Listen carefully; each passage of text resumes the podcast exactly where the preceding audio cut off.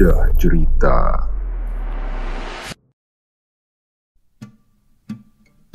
Halo, salam kenal. Perkenalkan, uh, gue Jessica Gracia. Nah, hari ini gue akan ngebawain podcast berjudul Bedah Cerita. Di sini gue ditemenin oleh tiga orang teman gue. Ada siapa nih? Ada Kika. Adit. Oke. Okay. Nah, podcast hari ini judulnya kan Bedah Cerita. Kenapa sih dikasih nama Bedah Cerita? Jadi kami ini ingin membedah cerita-cerita dari para penulis muda. Untuk sesi yang pertama, kita tuh bakal berbincang-bincang tentang uh, dari cover, terus isi, terus sama kayak latar belakang penulisnya gitu. Nah, untuk latar belakang penulisnya sendiri, pasti setiap penulis ini punya alasan tersendiri kan untuk menulis ceritanya dituangkan dalam novel ataupun cerpen. Hmm, maka dari itu gue pengen tahu nih alasan Halim kenapa sih mau nulis cerita sesuai genre yang udah lo pilih? Semua aja ya. Jadi hmm, gue nulis cerita ini karena gue emang suka banget dengan alam.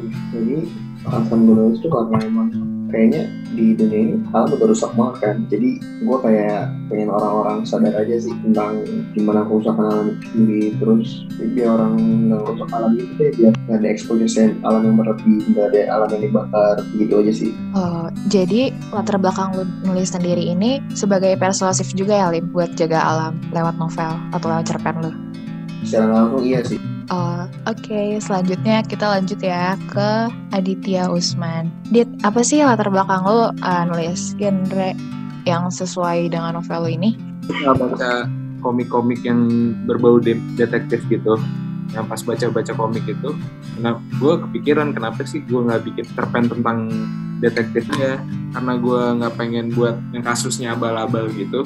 Jadi gue mutusin buat bikin ceritanya tuh yang susah ditebak itu jadi gue nanti pokoknya di dalam ceritanya gue masukin kayak ada plot-twistnya gitu. Gitu aja sih sebenarnya. Wah bikin penasaran banget nih. Pasti bikin para pembaca muter otak ya. Oh iya dong. Pastinya. Penasaran nih. Pengen terus baca deh kayaknya. Ditunggu ya. Iya ditunggu nih. Aduh. Nah selanjutnya nih buat Kika apa sih latar belakang uh, lu buat nulis novel ini? Sebenarnya dari diri gue sendiri tuh gue emang seneng berpetualangan gitu kan kayak camping.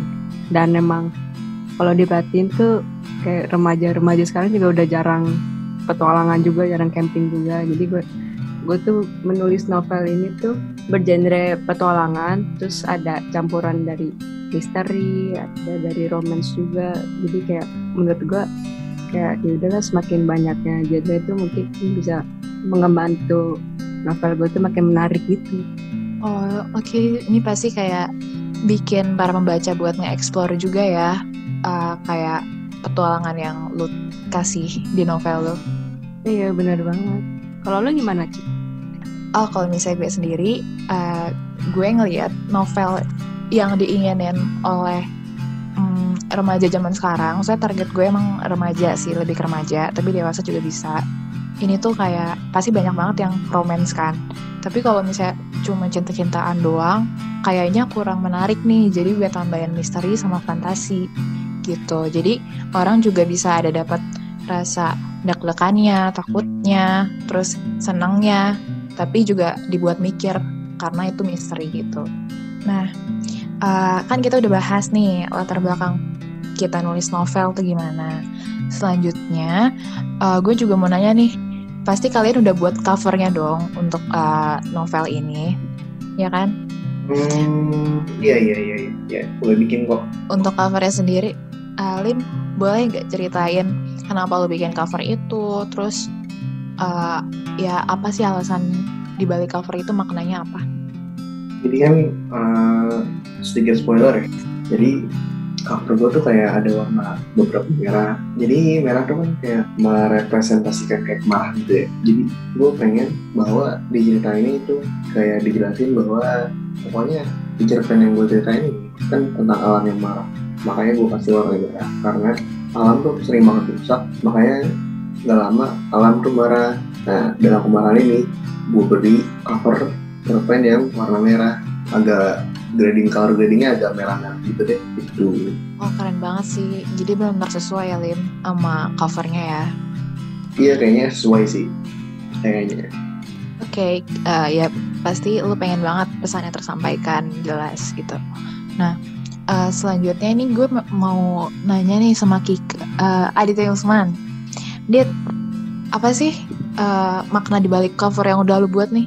Jadi kan cover yang gue pilih kan eh, di sini ada kacamata pembesar sama ada buku gitu, buku tentang case gitu kayak yang buku-buku detektif gitu. Nah, ini tuh mempresentasikan tentang detektif gitu. Kan kacamata pembesar sama case itu identik dengan detektif gitu. Habis itu gue pilih pewarnaannya tuh yang yang gelap gitu, yang misterius-misterius gitu. Jadi menambahkan kesan kemisteriusan dalam cerpen yang gue bikin ini sih. Tuh. Oh, Oke, pastinya lu pengen gak cuma isi ceritanya doang yang bikin penasaran, tapi orang waktu lihat covernya juga udah ngerti kalau ini bakal bikin penasaran novelnya ya. Iya dong. Hmm, ditunggu ya, Dit. Kayak bakal keren banget nih. Oke. Nah, selanjutnya ke Kika nih. Hai Kik, gimana sih eh, alasan lu nih bikin cover buku yang udah lu buat? Jadi cover gue itu latar belakangnya gue beri warna biru tua. Itu kayak ibarat langit di malam hari gitu. Terus di belakangnya juga ada titik-titik kuning yang melambangkan bintang. Karena kenapa sih gue milihnya warna biru tua sebagai langit gitu? Karena di dalam cerita itu kebanyakan latarnya itu malam hari gitu. Jadi kayak ya sebagai petunjuk gitu dalam cerita.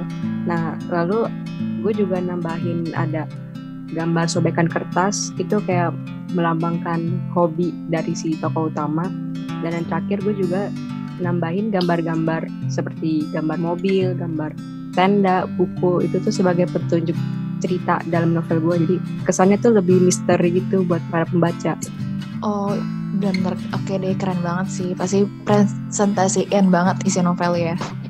iya benar banget kalau lu gimana Cik? Eh, kalau misalnya gue sendiri, untuk pemilihan background eh, cover gue, gue pilih warna hitam. Pasti cocok banget sama misteri kan. Nah, eh, di background hitam itu, gue cuma nampilin satu eh, kayak figur cewek. Dia cuma diem doang, terus kayak ada goresan-goresan gitu di eh, sekujur tubuhnya, dan dia itu bener-bener cantik banget. Di sini gue cuma kayak pengen nyampein kalau misalnya ini cewek cantik, pasti banyak didamin eh, semua cewek dan cowok-cowok juga tapi tuh sebenarnya tuh dia rapuh dalamnya dan banyak misteri di balik itu. Dan ada kayak uh, dari kegelapan itu sebenarnya tuh ada orang yang nolongin dia kok gitu. Relate tuh ke kehidupan gue kayaknya temen gue ada ada kayak gitu. Relate banget sih. Boleh sih jadi novel ntar gue kasih tuh temen gue biar dia nggak pakai lagi. Wah boleh tuh Lim. iya Iya, iya iya, emang iya, iya. emang kita tuh harus ngebuat novel juga kadang harus relate kan biar pembaca tuh juga bisa ngeresapin isi novel kita benar banget Tuh banget tuh.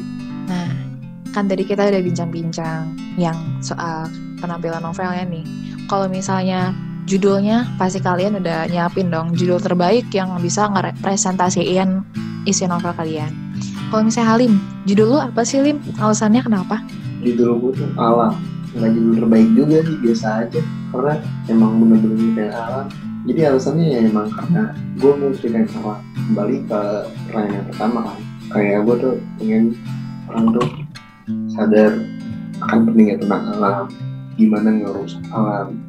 Ya gitu sih itu aja. Oke, judul lu tuh kayak singkat jelas padat ya Lim? iya sih singkat banget. Iya, agak males kayak- juga sih ceritain panjang-panjang. Gitu. Pasti biar mudah diingat pembaca juga ya Lim ya? Nggak boleh diingat emang nggak ada lagi di pikiran cuma ada itu doang yang lewat Oke, uh, Oke. selanjutnya eh, bagus banget sih judulnya. Selanjutnya kita nanya Adit nih, Dit, judul novel lu apa sih? Eh, Judul cerpen lu apa sih?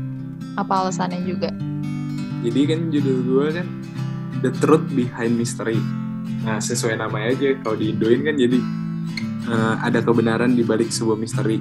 Nah jadi nanti kan seperti yang tadi gue udah bahas bakal ada plot twist plot twist ya gitu lah. Jadi pada akhirnya ada kebenaran di dalam misteri tersebut gitu. Ada alasan lah gitu. Pasti bikin pengen bikin penonton eh pembaca pada penasaran ya. Oh jelas. Gak sabar sih, ditunggu ya Adit. iya ditunggu. Nah, selanjutnya kita uh, beralih ke Kika nih. Kik, uh, apa sih judul novel lu terus alasan lu milih judul itu apa? Judul novel gue tuh singkat sih, singkat dan padat. Jumpa, J U M P A. Kenapa gue pilih Jumpa? Karena tuh di dalam cerita emang si tokoh utama ini emang bakal ketemu sama orang yang dia sayang dan yang udah nggak ketemu selama berpuluh-puluh tahun gitu. Jadi kayak menurut gue dengan kata jumpa tuh cocok banget sih sama isi novel gue gitu ya Ki, Ki bagus banget sih jumpa. Tapi kan di setiap perjumpaan pasti ada perpisahan Ki. iya tapi kalau dalam novel gue tuh dari perpisahan jadi berjumpa gitu Lim. Oh maksudnya gimana? Jadi kebalik gitu loh Lim. Oh kebalik. Oh iya paham paham paham. Kebalikannya gitu Keren banget sih emang. Uh, bikin orang penasaran. Dan pasti kata jumpa itu kayak ada maknanya dalam ya. iya bener banget Kalau lu gimana? Kik? Oke, kalau misalnya gue sendiri, gue milih uh, ini judulnya agak bahasa Inggris. Bukan berarti gue sok bule ya, tapi kayak uh, lebih enak bahasa Inggris aja. Judulnya Infinite Love. Di sini emang gue ceritain tentang kisah cinta yang abadi, kayak seorang immortal sama seorang manusia. Jadi ya udah tergambar lah di judulnya. Kayak pasti udah terbayang, oke ini love, ini romance, terus infinite love. Ini kayaknya bakal cerita-cerita fantasi gitu. Nah, jadi makin penasaran sama novelnya tapi fantasi berdasarkan kisah nyata nggak ada beberapa yang lu ambil nggak dari kisah kita temen atau kisah lu Oh. sendiri kalau misalnya ada beberapa secuil secuil, tapi untuk romance doang. Kalau misalnya untuk fantasi, ya tentu enggak. Soalnya fantasi itu kan nggak real, nggak nyata. hmm Iya. paham paham paham Oke, eh, kita selanjutnya bakal ngebahas nih eh, tentang lebih dalam lagi. Jadi eh, pasti setiap penulis udah nyusun alurnya dengan baik, unsur intrinsik maupun ekstrinsiknya dengan baik kan. Nah, gue pengen tahu nih eh, apa sih garis besar eh, novel kalian atau kayak kalian mau ceritain isi novel kalian tuh tentang apa biar pemirsa yang di rumah, pendengar yang di rumah juga kayak pada pada ikut ke bawah gitu ceritanya terus pada mau baca. Nah, untuk Halim sendiri boleh nggak sih ceritain garis besarnya atau sinopsisnya? gimana ya ya? jadi kan gua kan ceritain tentang alam ya. jadi ada nih eh, tokoh utamanya tuh ya emang alam itu sendiri kan. Tapi salah satu unsur dari alam yaitu angin. Nah angin ini jadi tokoh utama di sini. Angin tuh suka sama jadi pokoknya di ceritanya ada dua, dua kaum. Yang satu kaum pencinta alam yang satu suka ngerusak nah angin suka banget sama kaum yang cinta alam tapi benci banget sama kaum yang rusak angin tuh pengen banget ngebunuh-bunuhin semua kaum yang rusak ini. Tapi angin juga kan suka ngebantu kaum yang alam nah angin tuh nggak boleh membunuh kaum kaum yang rusak ini tapi nggak lama dua kaum ini kan perang nih itu perang. Karena mereka beda ideologi. Nah itu pokoknya tensi pokoknya kalau ibarat lagu itu ibaratnya lagi ref deh. Nah selanjutnya bisa di lanjutin berarti baca di ceritanya itu sendiri. Udah sih segitu aja sinopsisnya. Wah keren banget sih. Tentunya pasti kayak karena kecintaan lu sama alam, lu pengen persuasif atau pengen ngajak orang lain juga yang ngebaca novel ini ya buat cinta alam. gila gila gue cinta banget sama alam kalau gue suruh milih cewek gue sama alam gue lebih milih alam daripada cewek gue keren banget Waduh, eh ya udah deh kita sekarang lanjut ya ke Adit. Nah Dit, boleh nggak sih lu ceritain uh, garis besar novel lu atau sinopsis atau mungkin lu emang pengen ngeceritain the whole story dari novel lu ini? Oh, boleh dong. Gue ceritain sinopsisnya aja ya. Jadi kan ada eh, sekeluarga yang baru pindah rumah. Nah di lingkungan barunya tersebut ada satu tetangga nih yang yang mencurigakan. Keluarganya itu pas lagi ada ngobrol-ngobrol biasalah ngobrol-ngobrol sama tetangga dia tuh nggak pernah mau ikut. Jadi pas ditanya juga diem-diem aja gitu. Nah nggak lama kan si pemeran utamanya kan ke sekolah. Nah dia ketemu sama anak perempuan.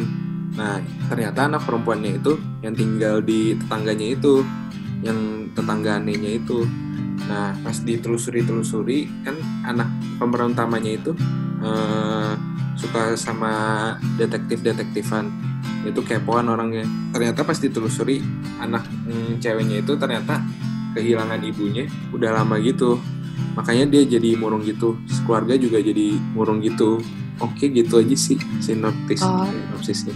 Ini bakal bikin penasaran ya pasti apalagi kalau misalnya menyangkut tentang detektif pasti bakal bikin orang muter otak banget ya. Nah itu dia yang gue pengen tekan di dalam cerita gue sih. Gue pengen em, pembaca juga ikut mikir pas lagi baca cerita gue. Oh, bagus bagus keren banget. Ditunggu ya Dit ya. Oke. Mikir gimana Dit maksudnya Dit? Gue penasaran banget sih sama cerita lu. Oh, kalau mikirnya apa ya nanti lu baca aja cerita gue Lin.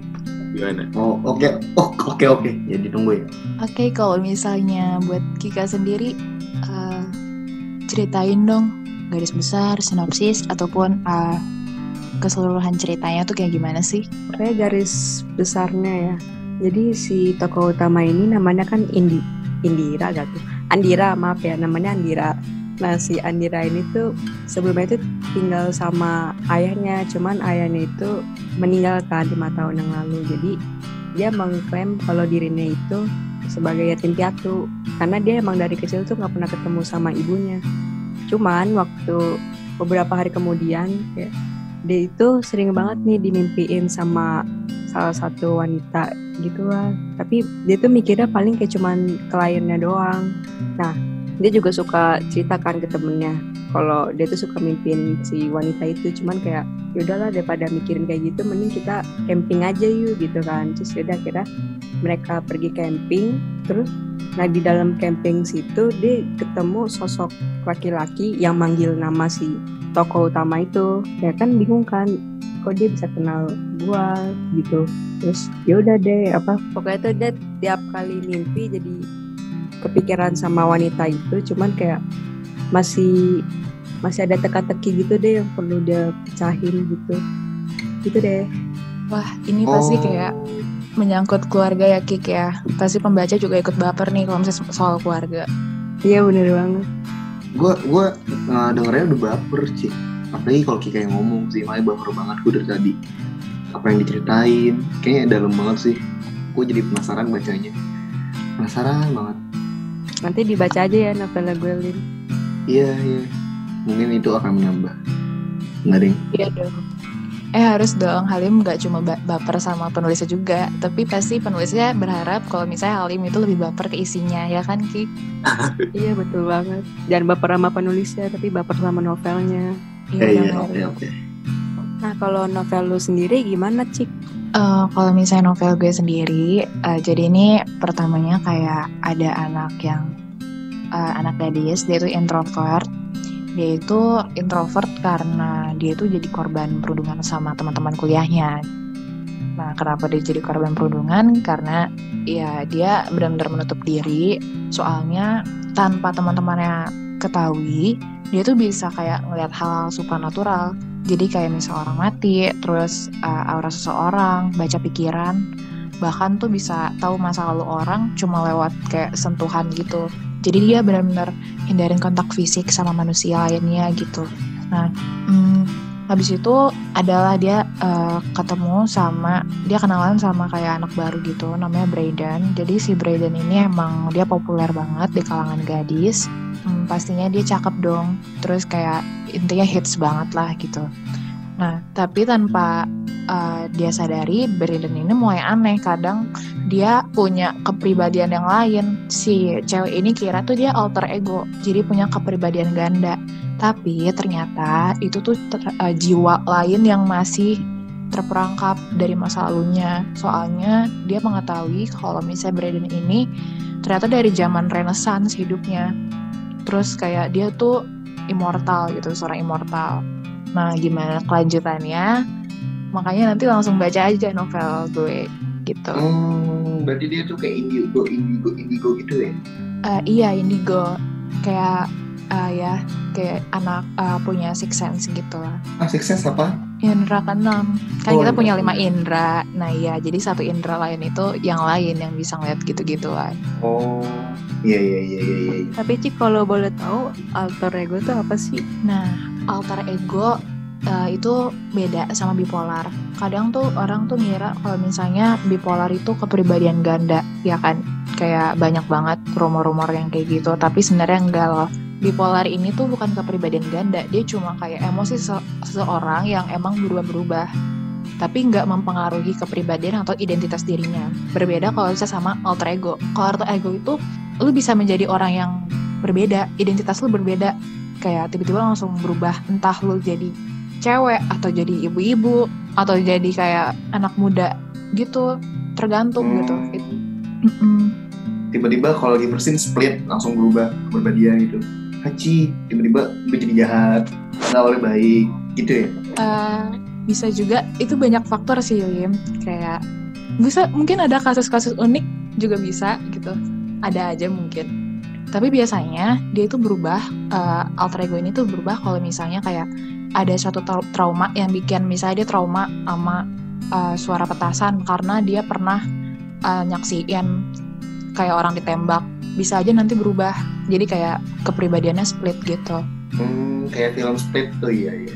Oke Iya mungkin Split, namanya, ya. iya namanya mungkin ya terinspirasi dari situ. Hmm, iya iya iya. Jadi misalkan dia nih lagi baik terus dengar suara petasan duar berubah langsung jadi cewek misalkan gitu ya Iya Wim, bisa bisa. oh gitu ya ya, ya. Ah, Oke nih selanjutnya kita bakal eh, ngebahas tentang apa sih harapan kalian eh, novel ini tuh kalau misalnya udah dibaca sama para pembaca nih, atau kayak kalian tuh pengen eh, buat movie kah dari novel kalian atau gimana? Goals kalian tuh apa sih? Ini mulai dari Halim dulu deh, yang paling dari tadi banyak ngomong. gue sih berharap ah, cerpen gue bisa dibaca Joko Anwar ya jadi ya pengen gue cerpen gue diangkat ke film pengen banget pokoknya di, dibaca Joko Anwar biar Joko Anwar baca terus dijadiin novel eh novel itu film terus biar orang-orang aware juga sih sama semoga orang-orang baca ya makanya kan kita nanti kan akan naruh cerita ini ke Wattpad biar semua orang baca semoga Joko Anwar baca ya udah sih gitu aja Wah iya sih, hopefully dia bakal baca ya, terus kayak cerita lu bakal diangkat gitu. Iya, semoga jangan horor ya. Eh, iya boleh boleh. Mungkin eh, Halim punya kayak sutradara yang lain yang lebih profesional juga di bidangnya, maksudnya nggak horor kan Joko Anwar identik sama horor gitu. Hmm, ada sih kayaknya Michael D'Antoni kan film tuh. Mungkin dia bisa ya bikin film. Oh iya iya. Nah selanjutnya kita bakal nanya nih ke Kika, Eh, Kik gimana sih eh, tujuan lu atau harapan lu, goals lu buat novel yang udah lu buat ini? gue nggak berharap banyak sih cuman yang gue pengen itu semoga novel gue tuh bisa dinikmatin gitu sama para pembacanya itu aja sih Amin. Ya tentunya kalau misalnya dinikmatin sama pembaca itu bakal kayak grow up terus sih, bakal Iya, iya. jadi karya yang besar. Oh iya, by the way, ini nggak ada yang mau nanya Adit. Oh iya, Adit hampir Oh, iya. lupa. Diam-diam aja sih dari, dari tadi. Gimana nih, Dit? Kalau misalnya lo goalsnya? Kalau gue sih nggak, kalau untuk film kalau misalnya ada tawaran ya boleh-boleh. Cuma untuk sekarang-sekarang ini gue cuma nggak berharap eh, novel gue bisa hibur banyak orang sih. Wah tujuannya mulia banget ya. Ya dong. Pasti Cika pengen banget ditanya. Coba Cika, uh, gimana sih? novelnya? Oh iya, soalnya dari tadi gitu ditanya mulu. Ya, Emang boleh nggak paling Cika? Halim paling peka banget deh kalau urusan Iya. gini-gini. Cika coba jawab. Jawab pertanyaan sendiri. kalau misalnya gue ditanya kayak gitu, hmm, gue pasti jawabannya klasik sih kayak oke gue pengen ngibur pembaca, berarti otomatis pesan yang gue sampein juga harus diterima dan benar-benar masuk di pembaca. Tapi yang kayak pengen bikin uh, gue buat novel ini kenapa? Karena habis baca novel ini dia tuh masih teringat-ingat, masih terngiang-ngiang. Bahkan gue pengen para pembaca gue kayak novel maraton gitu. Jadi kayak dia nggak bakal tenang kalau misalnya belum baca satu bab kelar atau bahkan mau nerusin lagi sampai begadang. Tapi ya gue nggak saranin begadang. Tapi kalau misalnya mereka begadang itu suatu kesuksesan buat gue sendiri. Oke, oke, Gitu. Nah, kalau misalnya kalian sendiri nih, boleh nggak sih kalian ceritain sedikit aja biografi tentang kalian? Nah, dimulai dari Halim.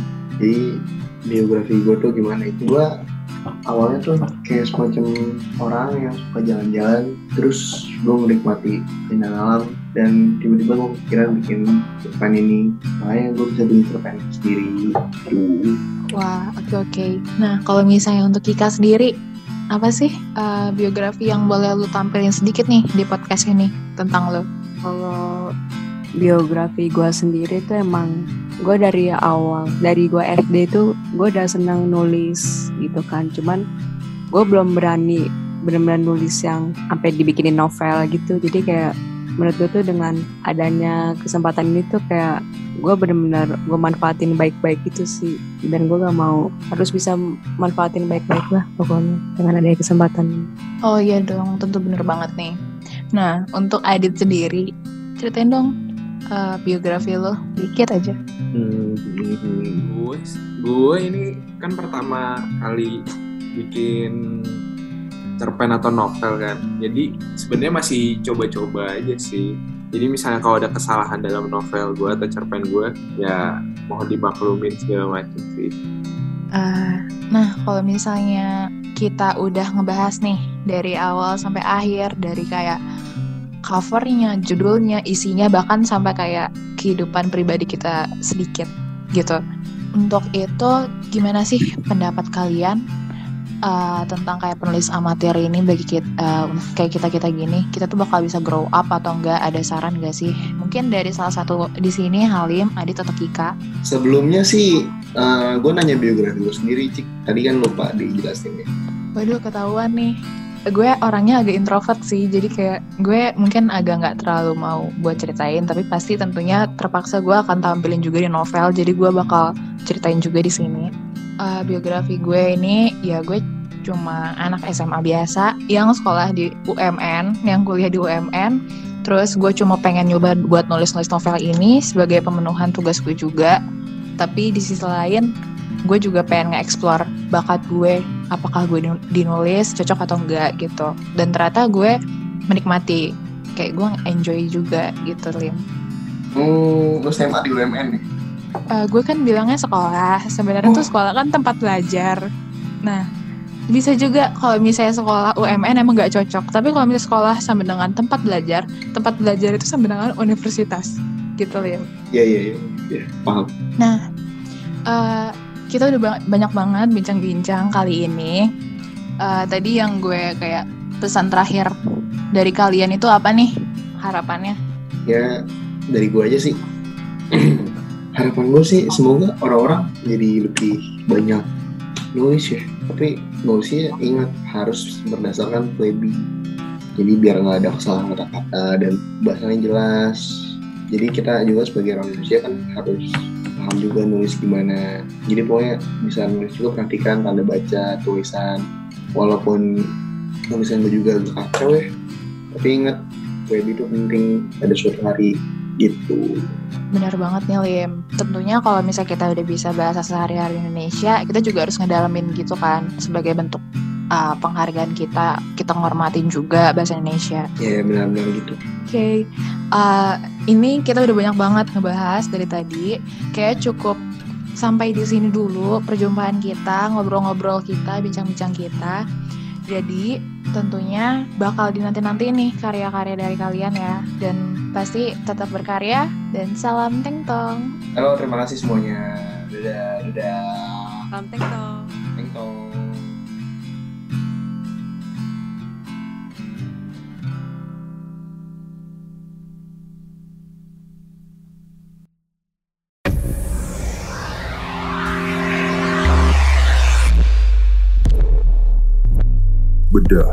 的.